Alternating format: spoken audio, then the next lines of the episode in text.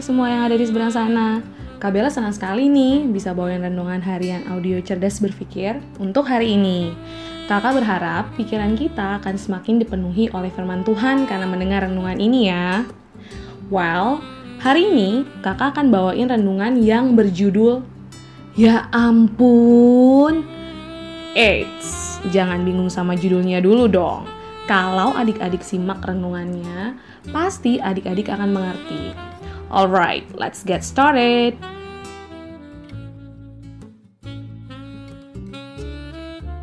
Cie, pasti adik-adik lagi nungguin kakak lanjutin renungannya ya.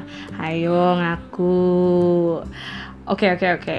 Kali ini beneran. Kita mulai ya.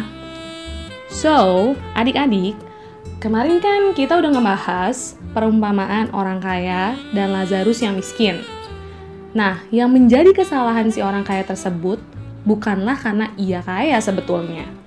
Gak salah kok jadi kaya untuk kehidupan yang lebih baik dan untuk pekerjaan Tuhan. Menjadi kaya malah harus diupayakan loh. Justru yang jadi kesalahan si orang kaya tersebut adalah karena ketamakannya yang membuat dia gak peduli dengan sesama manusia. Dalam kisah ini, ya dia gak peduli dengan Lazarus yang miskin. Well, kakak perlu bacakan nih apa yang dikatakan Tuhan Yesus dalam Matius 25 ayat yang ke-40, yang bunyinya seperti ini. Dan raja itu akan menjawab mereka, Aku berkata kepadamu, sesungguhnya segala sesuatu yang kamu lakukan untuk salah seorang dari saudaraku yang paling hina ini, kamu telah melakukannya untuk aku. Jadi, ayat ini ada di perikop penghakiman terakhir – di mana digambarkan bahwa kelak Tuhan Yesus akan datang kembali untuk menghakimi dunia.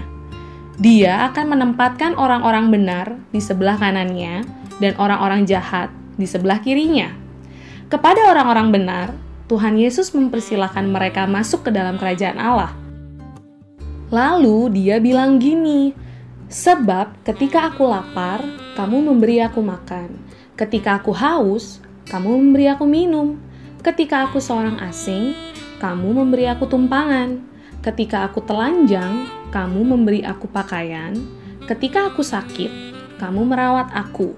Ketika aku di dalam penjara, kamu mengunjungi aku. Nah, mungkin banyak orang yang jadi bingung akan perkataan Yesus yang satu itu.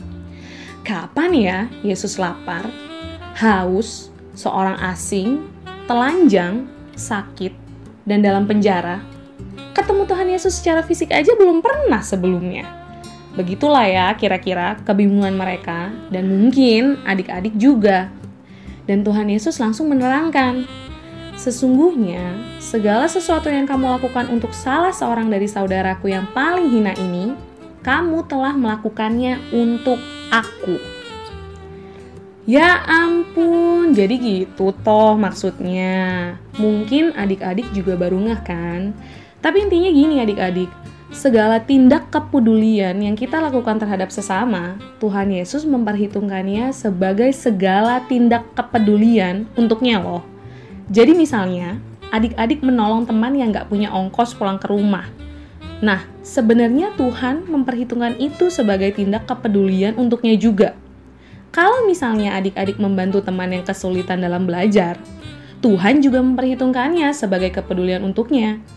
Eits, tapi bantunya bukan kasih contekan atau jawaban satu ujian lo ya. Itu beda lagi.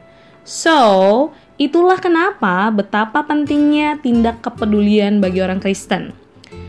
Itu mengapa jika kita melakukan tindak kepedulian ke sesama, itu akan diperhitungkan sebagai tindak kepedulian kepada Tuhan tapi bukan berarti kita jadi nggak tulus dan berharap bahwa Tuhan pasti akan membalas apa yang kita lakukan saat kita bantu orang lain ya.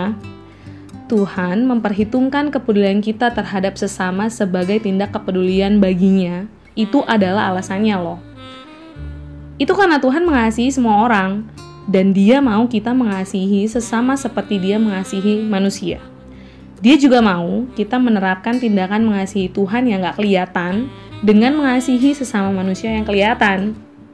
Nah, soal contoh-contoh tindak kepedulian, kakak yakin kok kalau kalian adik-adik adalah anak yang cerdas yang tahu bagaimana harus bertindak. Well, it's time to pray. Mari kita berdoa.